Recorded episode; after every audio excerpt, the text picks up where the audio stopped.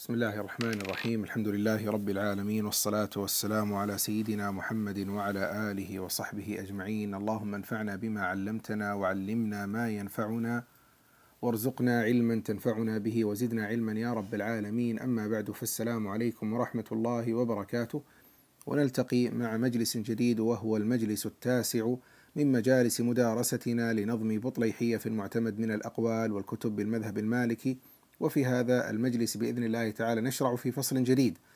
عقده الشيخ الناظم العلامة القلاوي رحمه الله تعالى لبيان الكتب والأقوال الشيطانية الليطانية فكان فيما سبق قد أفرد فصلا للكتب المعتمدة ثم بعد ذلك الكتب التي لا يعتمد على من فردت به. هذا وكذلك الأقوال وما يكون به الفتوى وفي هذا الفصل وربما نظرا لكون ما سيذكره في هذا الفصل خلاف الأصل أي أن الأصل فيما يصدر عن العلماء أن يكون محررا معتمدا صحيح النسبة ولما كان خلاف الأصل أقل ناسب ربما ها هنا أن يجمع هذا الأمر في فصل واحد يعني يجمع الكتب وكذلك الأقوال الشيطانية الليطانية لأن ما سبق إما أنه يعتمد جملة أو لا يعتمد على من فردت به لكن سيكون معتمدا حينئذ. كما آه، يعني تعرفنا على ذلك سابقا سيعتمد في الجملة أو سيعتمد عفوا ما كان من الكتب يعتمد بما فيه وما كان بعد ذلك يعتمد في الجملة لكن لا يعتمد على من فردت به أي تلك الكتب. قال رحمه الله تعالى فصل في الاقوال في الكتب والأقوال الشيطانية الليطانية. الشيطانية نسبة للشيطان والنسبة إلى الشيطان بما يكون من معاني الشيطان المختلفة التي نعرفها في كتاب الله تعالى وكذلك في معاني اللغة والليطانية. هل معنى الليطان أو يعني من يعني من لاط لاط الله فلانا يليطه ليطا أي لعنه أو أنه أيضا كذلك يأتي بمعنى الإتباع. وبعض العلماء أو بعض اللغويين يرى أن هذه الكلمات مما هو ربما يكون مهملا ليس له معنى لكن يؤتى به لأجل التأكيد أو لأجل التأييد. يعني للكلمة السابقة يكون اتباعا لأجل التأييد. يعني كما يقال حسن بسن آه، يقال أيضا شيطان ليطان عطشان نطشان كما يعني يورد ذلك العلماء. ومن ومما يورد وممن يورد ذلك أيضا علماء الأصول. ففي مراقي السعود في مبحث الترادف أورد آه، الشارح الناظم رحمه الله تعالى وكذلك يعني سيدي عبد الله العلوي وكذلك غيرهم من الشراح عند قوله في بيت في بيت في فصل الترادف وهل يفيد التالي للتأييد. إذا نفهمها بمعناها اللغوي الوارد في بعض المعاجم أو نفهمها أنها من باب التأكيد يعني الأقوال الشيطانية الليطانية لأنها لما كانت معنى مستفضعا أو معنى مستبشعا أكد ذلك بقوله بعد ذلك الشيطانية الليطانية. فالمعنى فيما يظهر لي انه واضح وهذه النسبة يعني لكونها من الشيطانية تكون ضد الحق وتكون أيضا من الوسوسة والإفساد. قال رحمه الله تعالى هذا بيان كتب الشيطان. وما من الأقوال لليطان نسب هذه الكتب للشيطان لأن ما فيها سيكون فيه ضلال وإفساد للدين فناسبها هنا أن يكون أو أن تكون يعني فيما أراد نسبته أن تكون تلك الكتب منسوبة للشيطان. وما من الأقوال لليطان وأيضا لأنها منسوبة كذبا وهذا كذب وزور و يعني نسبة فيها كذب وليس فيها حق وفيها ضلال. وما من الأقوال لليطاني ذكر إذا ها هنا هذا بيان كتب. وما من الأقوال لأنه سيذكر بعض الكتب مكذوبة النسبة أو غير صحيحة النسبة وكذلك سيذكر بعض الأقوال من فتاوى غريبة. قد حذروا من كتب منسوبة للعلماء نسبة مكذوبة. من الذين حذروا هم العلماء؟ لأنه كان يحيل إليهم أو عليهم فيما سبق. بيانه من كتب معتمدة وأقوال معتمدة وكذلك قواعد وأيضا فيما لا يعتمد على من فردت به. فكل ذلك كان منسوبا آه، يعني كل ذلك كان أيضا بهذه الصيغة حذروا وحذروا وحذر العلماء وغير ذلك. قد حذروا من كتب منسوبة للعلماء نسبة مكذوبة.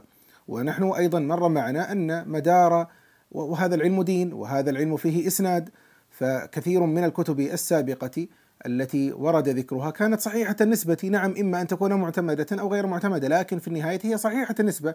إلى مؤلفها تدولت عرفت عرف العلماء صحة نسبتها لأصحابها. هذه الكتب منسوبة كذبا. يعني يوجد كتاب مخطوط ويقال بأن هذا الكتاب اسمه مثلا التبيان والتبيين مثلا أو البيان والتقريب أو مثلا أنا الآن آتي بأسماء من عندي ليست كما ذكره. يعني أنا ممكن أذكر مثلا آه، آه، أسهل المدارك وأيسر المسالك آه، لمثلا تصحيح الأقوال في مذهب الإمام مالك. ويكون منسوبا إلى أحد علماء المذهب الكبار منسوب إلى مثلا ابن رشد أو منسوب إلى مثلا الإمام ابن أبي زيد القيرواني كما سيمثل.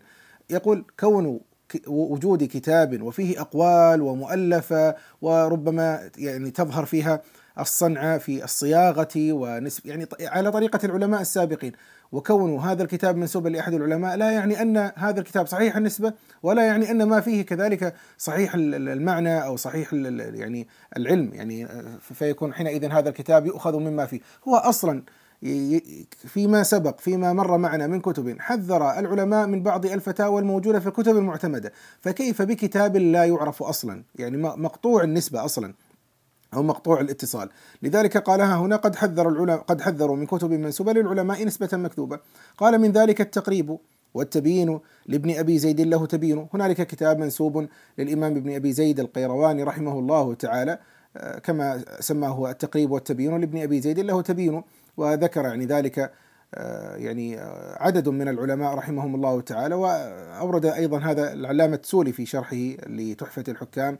وذكر مسألة في في مسألة الطلاق وحتى سيأتي بها بعد قليل من ضمن المسائل التي ذكرت في في طلاق الغضب وذكر أن هذا منسوب أو مكتوب لكتاب يعني وهو ذكر هذا رحمه الله تعالى قال في في شرحه وربما نسب ذلك العلامة المسناوي على كل حال العبارة ها هنا موجودة في البهجة للعلامة السولي قال وقد كثر السؤال عن ذلك في هذه الأزمنة لما يعني ذكر المسألة.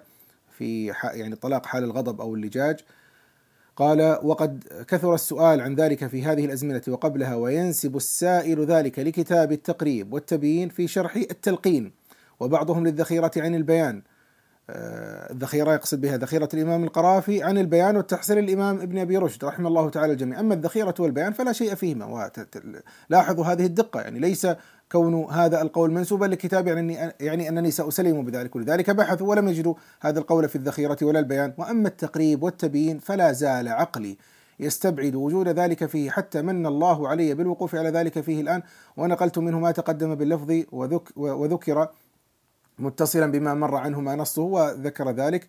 وقال بعد هذا وهذا لا يصح أيضا بحال يعني بعدما أورد النص والعبارة عن عن ابن القاسم قال وهذا لا يصح أيضا بحال ولا أظن ذلك يصدر عن عالم أو من عالم يعتد بعلمه وهذا الشرح مجهول النسبة عندي فلم أدري صاحبه من هو فلا ينبغي أن يعتمد على ما فيه مما يخالف الجادة والله أعلم. وهذا إذا كان قد وقع في حديث رسول الله صلى الله عليه وسلم حتى ممن لم يرد الكذب العمد يعني كما يعني يروى عن, عن يعني في يعني في التخريج الذي كذب به بعض يعني من كان حتى ليس قصده إفساد الإسلام وإنما كما يقولون يعني من كذب علي متعمدا فليتبوأ مقعده من النار قالوا لا نحن لا نكذب على رسول الله إنما نكذب له. وهذا أيضا يعني يعني من الخطأ الصراح ومن الخطأ البين. على كل حال فإذا كان ذلك وقع في حديث رسول الله صلى الله عليه وسلم رغم التحذير وعظم الجرم فكيف لا يكون ذلك مع العلماء؟ فبعضهم ربما أراد أن يقوي بعض الأقوال فنسبها إلى العلماء الكبار حتى تأخذ قوتها وحتى تأخذ مكانتها في المذهب.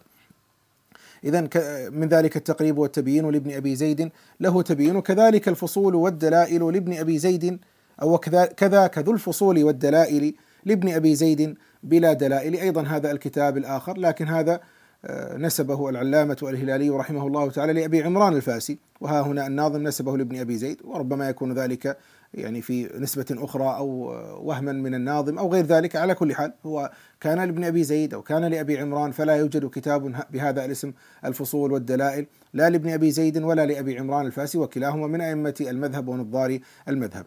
قال ومنه الأجوبة للسحنون فعزوها له من الجنون. كذلك كتاب الأجوبة لابن سحنون لمحمد بن سحنون يعني ابن سحنون العلامة الإمام صاحب المدونة أو كاتب المدونة جامع رواياتها. فهنالك أجوبة منسوبة لابن سحنون كما ذكر أيضا العلامة الهلالي رحمه الله تعالى في قوله وقد حذر العلماء من تآليف موجودة بأيدي الناس تنسب للأئمة ونسبتها باطلة ففي نوازل ابن هلال حذر من الأجوبة المنسوبة لابن سحنون وما زال الأشياخ يحذرون الطلبة منها لاحظوا ما زال الأشياخ يحذرون الطلبة. هكذا كان دأب العلماء رحمهم الله تعالى في الأزمنة السابقة كلها. رغم عدم وجود وسائل اتصال كما يمكن أن يقال بين البلدان، لكن كل تلك الكتب كانت تؤخذ بالسند، كانت تؤخذ بصحة النسبة، لذلك لم يكن يدخل عليهم شيء لا يعرفونه، وهذا الذي أنا أؤكده وأكرره لماذا؟ حتى نعرف أن ما في كتب الفقه ليس نسخ لصق كما يمكن أن يقال، ليس مجرد تمرير للأقوال دون تمحيص، لأن هذا الكتاب منسوب للعالم الفلاني أو حتى لو كان صحيح النسبة وكون هذا العالم معروفا بعلمه ومكانته الفقهية، ولكن عنده قول أو رأي في في كتابه هذا مع ذلك لا يسلم بذلك، هذا كان دأب العلماء في كل زمان من الأزمنة، ما زال الأشياخ يحذرون الطلبة منها، وفي نوازل الشيخ عبد القادر الفاسي ما نصه قال القوري أجوبة ابن سحنون لا يجوز الفتوى بما فيها ولا عمل عليها بوجه من الوجوه. وكذلك التقريب والتبيين الموضوع لابن أبي زيد وكذلك أجوبة القرويين وسيذكرها بعد قليل. وكذلك أجوبة القرويين وكذلك أحكام ابن الزيات وكذلك كتاب الدلائل والاضداد فجميع ذلك باطل. قال الإمام القوري رحمه الله وقد رأيت جميع تلك التأليف ولا يشبه ما فيها قولا صحيحا ليس فقط أيضا تكذيب وإنما اختبرها ولا يشبه يشبه ما فيها قولا صحيحا لأنها اختبرت بميزان العلم وأصول الفقه وقواعده وقد وجد من شرح مختصر للشيخ الزقاق حذر الأشياخ من الفتوى من أحكام ابن الزيات والدلائل والأضداد المعزول لأبي عمران لأبي عمران ومختصر التبيين المعزول لابن أبي زيد لأنها أباطيل وفتاوى الشيطان وهي موضوعة غير صحيحة النسبة وذكر ذلك العلامة في نور البصر. إذا كذلك حتى الأبيات التي بعدها والقرويون إليهم تنسب أجوبة وهي لزور أنسب ومنه الأجوبة للسحنون طبعا فعزوها له من الجنون يعني ضد العقل. والقرويون إليهم تنسب أجوبة وهي لزور أنسب. وما من الأحكام للزيات يعزى على نهج الضلال آتي العلامة الزيات ابن الزيات رحمه الله تعالى أو الزيات يعني في يعني نسبته هو له رحمه الله تعالى. ابن الزيات أو الزياتي آه، وهو يعني من علماء المغرب توفي في ما أظن آه، يعني في القرن السابع تقريبا هو من علماء القرن السابع. وما من الأحكام للزيات يعزى على نهج الضلال آت يعني هو آت على نهج الضلال الذي هو نهج الشيطان الذي ذكر قبل قليل. فكلها فتوى من الشيطان وما لها في الشرع من سلطان. يعني هذه كلها فتوى من الشيطان كما صدر هو في ترجمة هذا الفصل وما, وما لها في الشرع من سلطان يعني ما لها في الشرع من حجة. السلطان من معاني ذلك طبعا السلطان من معانيه القهر ومن معانيه أيضا الحجة. كما جاء ذلك في عدد من الآيات فأتوا بسلطان مبين أو يجادلون في آيات الله بغير سلطان أتاهم. يعني ما لها هذه الكتب والفتاوى ما لها في الشرع من سلطان. قال وقول بعض الأغبياء الآن انتقل لبيان بعض الفتاوى المنقولة عن بعض أو ما منقولة في كتب علماء المذهب وهذه الأقوال والفتاوى لا تسلم بحال ولا تقبل لأنها مخالفة لقواعد الشرع ولأنها فتاوى شاذة أو بمعنى أدق. هي فتاوى أصلا باطلة لأن هنالك من الفتاوى ما قد يكون فتوى شاذة لكن مستندة إلى دليل على الأقل. فلذلك تبقى هي شاذة لأنها مخالفة للمشهور ومخالفة لقول الأكثر لكنها على الأقل استندت أو بنيت على دليل. هذه الأقوال التي سيوردها رحمه الله تعالى أقوال باطلة لذلك قال ها هنا وقول بعض الأغبياء أم العيال ليست تطلق من أضعف المقال إذ ذاك تخصيص من الشيطان لسنة الرسول والقرآن.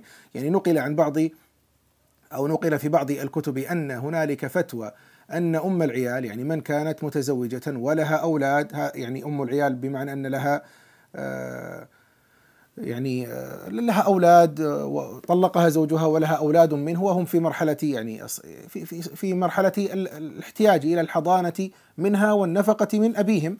فهذه لا تطلق. لماذا لا تطلق؟ لأن هنالك في الطلاق سيترتب على ذلك مفسدة. ويعني مفاسد كبيرة فيما سمعت أيضا من بعض المشايخ أن ربما ذلك كان في بعض دول المغرب وعند البدو الرحل أو المتنقلون سابقا لأنه ربما يطلقها ويتركها ولا يكون لها معيل ولا ليس لها يعني عصبة وغير ذلك. المهم سواء كانت هكذا أو لم تكن أصلا يعني من يعني الفتوى كانت منتشرة في تلك البلاد التي يكون فيها يعني بدو رحل أو متنقلون. وإنما كانت حتى في البلدان المستقرة والأمصار الكبيرة، كل ذلك كان سببه أو ابتداؤه في يعني توجيه هذه الفتوى الباطلة أن أم العيال إذا تطلقت أو طلقت سيترتب على ذلك مفاسد ودرء المفاسد أولى من جلب المصالح، اذا هذا في فيه تخصيص كما ذكر الشيخ رحمه الله تعالى للعموم والإطلاق الذي كان في الآيات والأدلة عموما الشرعية التي جعلت الطلاق عاما يشمل كل النساء صغيرة كبيرة مدخول بها أو غير مدخول بها ذات عيال أو ليست ذات عيال.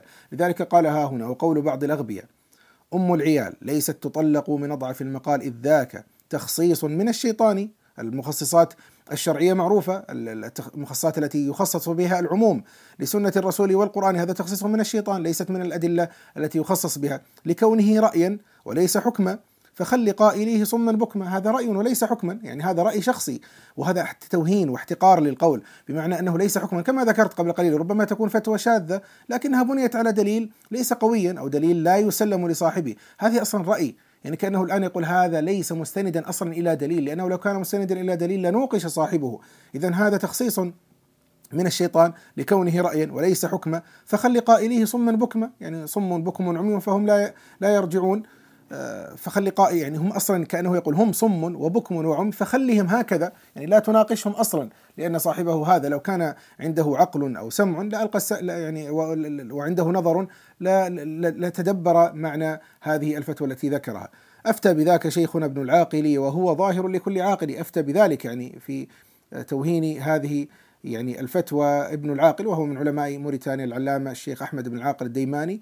وتوفي سنة 44 و200 وألف للهجرة من علماء آه، موريتانيا الكبار وهو فقيه مبرز قال أفتى بذاك شيخنا ابن العاقل وهو ظاهر لكل عاقل يعني ولا يحتاج حتى إلى فتوى لكن أكد ذلك العلماء.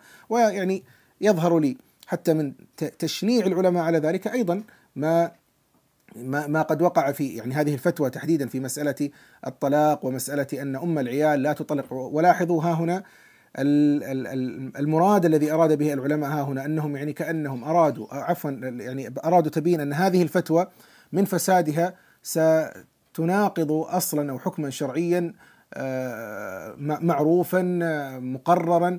ما وقع في مصر قبل عدة سنوات من ما نسميه الآن الضجة الإعلامية التي وقعت من عزم بعضهم آه، أن الطلاق الشفوية أو الشفهية لا يقع. أو لا أقول طلاق شبه الطلاق هكذا يعني من الرجل لا يقع. وإنما إذا أراد الرجل أن يطلق زوجته أن يذهب إلى المحكمة وأن يقع الطلاق أمام القاضي. فكان هذا الأمر يعني لأن في ذلك خراب بيوت كما يقال. هذا قريب من هذه الفتوى.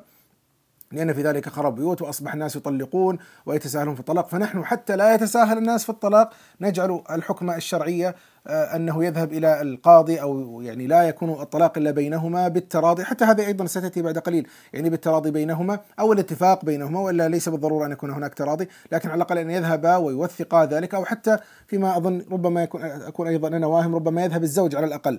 الشاهد بكل حيثيات هذه الفكرة الغريبة. تصدى لهذا الأمر علماء الأزهر الشريف و يعني آه، آه، يعني كان ربما فيما أظن أن هيئة كبار العلماء والأزهر عموما يعني في هيئة كبار العلماء كان هنالك يعني رد لهذه الفكرة لا أقول الراي لأنه ليس رايا أو لهذه المبادرة أو هذا العزم، لكن أنا أقصد أن ما حذر منه العلماء رحمهم الله تعالى في مثل هذا الموضوع وقع في زماننا. نسأل الله سبحانه وتعالى أن يلطف بنا وأن يحفظنا وأن يحفظ الإسلام، قال رحمه الله تعالى وقولهم آه، إن طلاق الغضب ليس بلازم لضعف غضب كذلك يعني إن طلاق الغضب يعني الطلاق الذي يقع في الغضب آه، ليس بلازم يعني أنه لا يقع ولا يترتب أثر الطلاق عند طلاق الغاضب.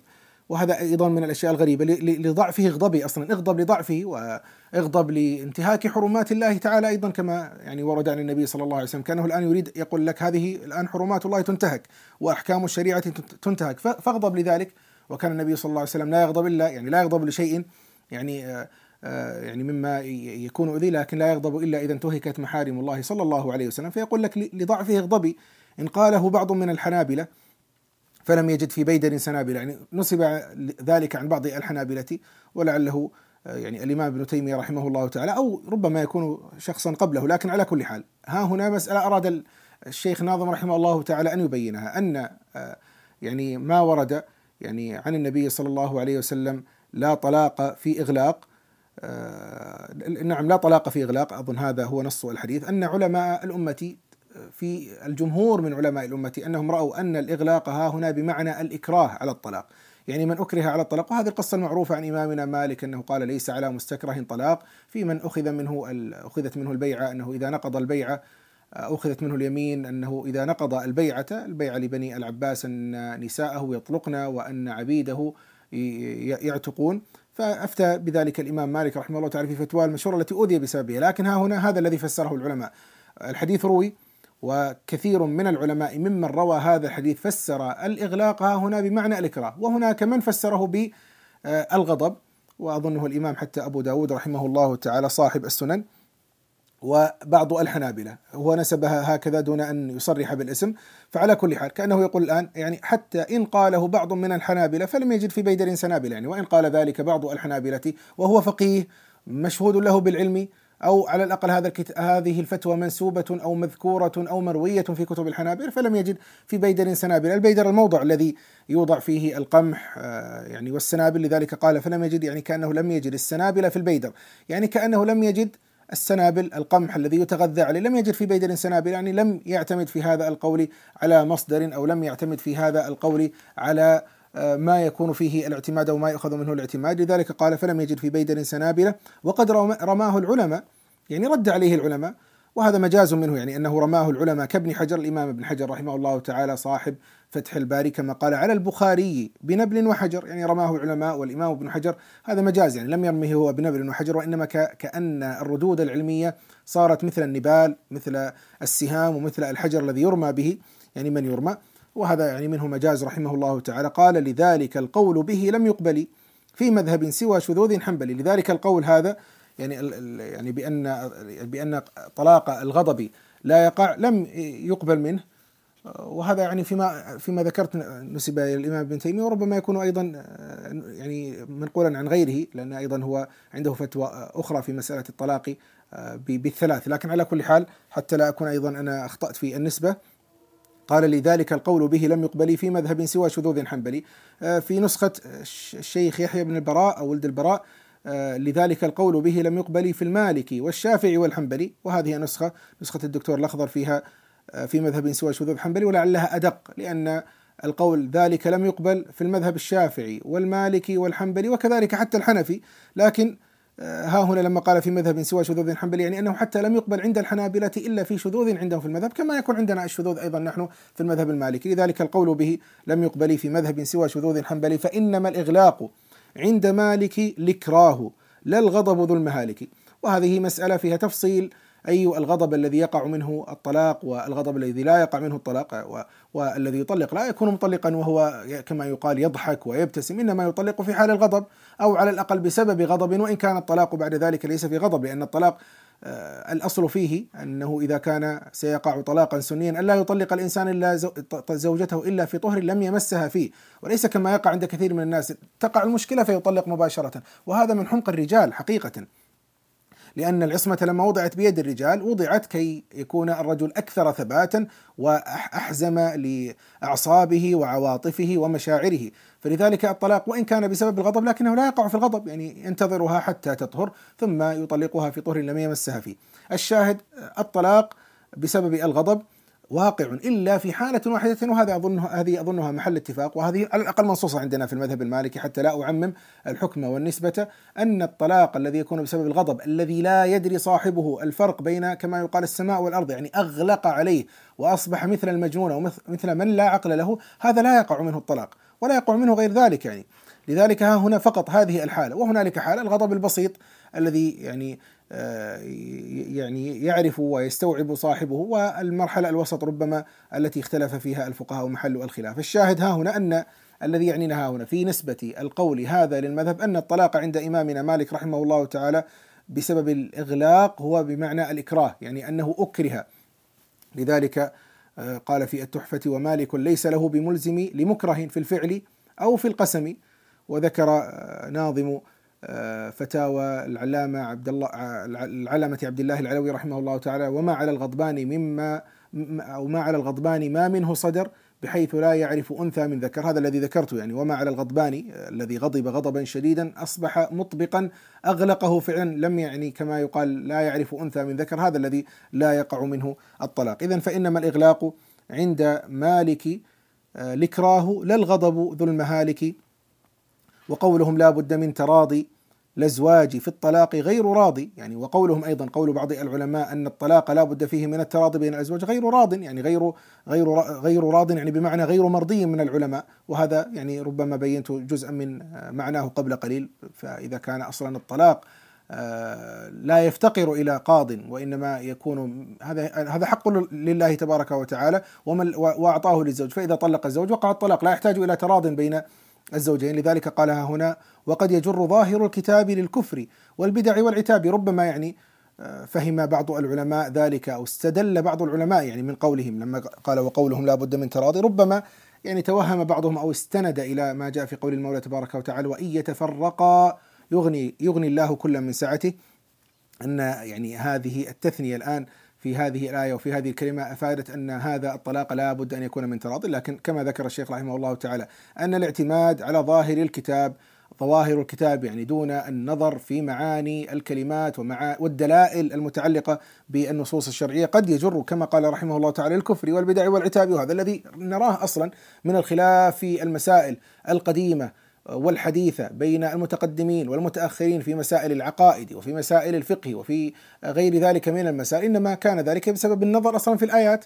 فلذلك من اعتمد على شيء من ظواهر آه، وقد حذر العلماء رحمهم الله تعالى من ذلك. لذلك كما قال رحمه الله تعالى وقد يجر ظاهر الكتاب للكفر والبدع والعتاب. يعني العتاب يقصد به النقد الذي يمكن أن يكون فيه فهما يكون في يكون فيه فهم خاطئ لمعنى الآية ودلالتها. فهل لها الرضا بما لا يرضى به سوى أهل العقول المرضى. هل لها هي أصلا أن ترضى يعني من الطلاق أو أو أن ترضى من القول؟ يعني هذه الفتوى الغريبة يعني لابد من التراضي. هل لها هي أن ترضى بما لا يرضى به إلا أو بما لا يرضى به سوى أهل العقول المرضى؟ هل ترضى المرأة المسلمة الورعة أن تأخذ بفتوى. فيها مصلحة لها أنه إذا طلق زوجها تقول أنا أستند إلى قول العلماء الذين يقولون بأن بأن الطلاق لا يكون إلا من التراضي وأنا أصلا لم أتراضى معك على الطلاق. هل لها أن ترضى بذلك وأن ترجع وهي محرمة قد حرمت على هذا الرجل الذي طلقها وترجع له بزنا؟ ترضى بما لا يرضى به أو لا يرضى به سوى أهل العقول المرضى الذين يعني أهل العقول المرضى أو القلوب يعني في قلوبهم مرض كما قال المولى تبارك وتعالى.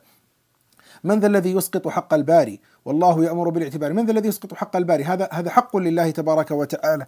وليس حقا للزوجة أو حتى ليس حقا للزوج أيضا كما سيذكر بعد قليل. والله يأمر بالاعتبار يعني كما قال تعالى فاعتبروا. يا أولي الأبصار يعني ما الذي يريد الآن أن يقوله الشيخ رحمه الله تعالى؟ ونص ما جاء بعدة البروق لأنه أراد أن يبين كيف أن الطلاق حق لله تبارك وتعالى. قال ونص ما جاء بعدة البروق للونشريسي في الجموع والفروق والحق في الطلاق لله على فما لمن طلق قدرة على رد الطلاق برضا المطلقة بعد وقوعه وإن قد علقه وليس للمرأة حق في الطلاق لجعله بيد من يرفع ساق. هنا يشير رحمه الله تعالى إلى ما أورده العلامة الونشريسي في كتاب عدة البروق آه، في جمع ما في المذهب من الجموع والفروق. هو ما الذي يريد أن يبينه؟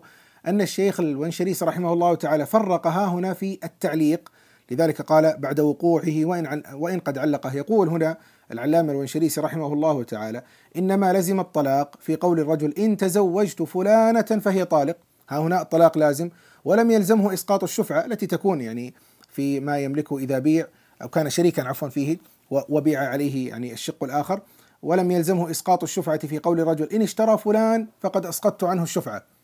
يعني لا لا يشفع المالك الأول الشريك. قال لأن الطلاق حق لله عز وجل.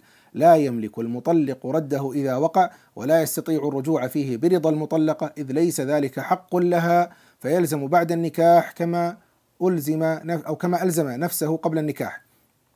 وإسقاط الشفعة ليس بحق لله عز وجل وإنما هو حق له قبل يعني المشتري يعني حق للمالك نفسه قبل المشتري فيصح له الرجوع فيه برضاه فلا يلزم إلى إلا بعد وجوبه له عليه قاله بعض الشيوخ. هذا هو الذي يريد أن يبينه الشيخ رحمه الله تعالى أن يعني حتى يتبين أن هذا أصلا ليس حقا لها. قال ونص ما جاء بعدة البروق للونشريسي في الجموع والفروق والحق في الطلاق لله على هذا الذي ذكرته قبل قليل من نصه أن الحق ها هنا لله تعالى. فما, فما لمن طلق قدرة على رد الطلاق برضا المطلقة بعد وقوعه وإن قد علقه يعني بعد وقوعه أو حتى كذلك إن علقوا لا يعني يرجع عن ذلك وليس للمرأة حق في الطلاق لجعله. بيد من يرفع ساق كما ورد عن النبي صلى الله عليه وسلم. ربما هذا يعني فيه اقتباس من حديثه عليه الصلاة والسلام. إنما الطلاق بيد من أخذ الساق أو إنما الطلاق لمن أخذ بالساق. روي في بعض السنن يعني في كتب سنن سنن ابن ماجه رحمه الله تعالى.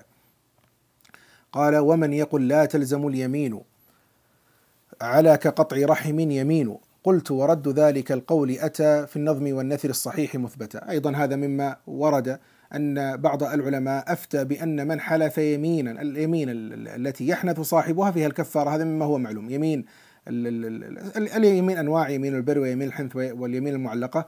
فاليمين الذي حنث فيها صاحبها ويعني مثلا حلف قال والله لا أذهب إلى بيت عمي أو والله يقول لزوجته والله لا تذهبين إلى بيت أهلك وهذه فيها قطع رحم.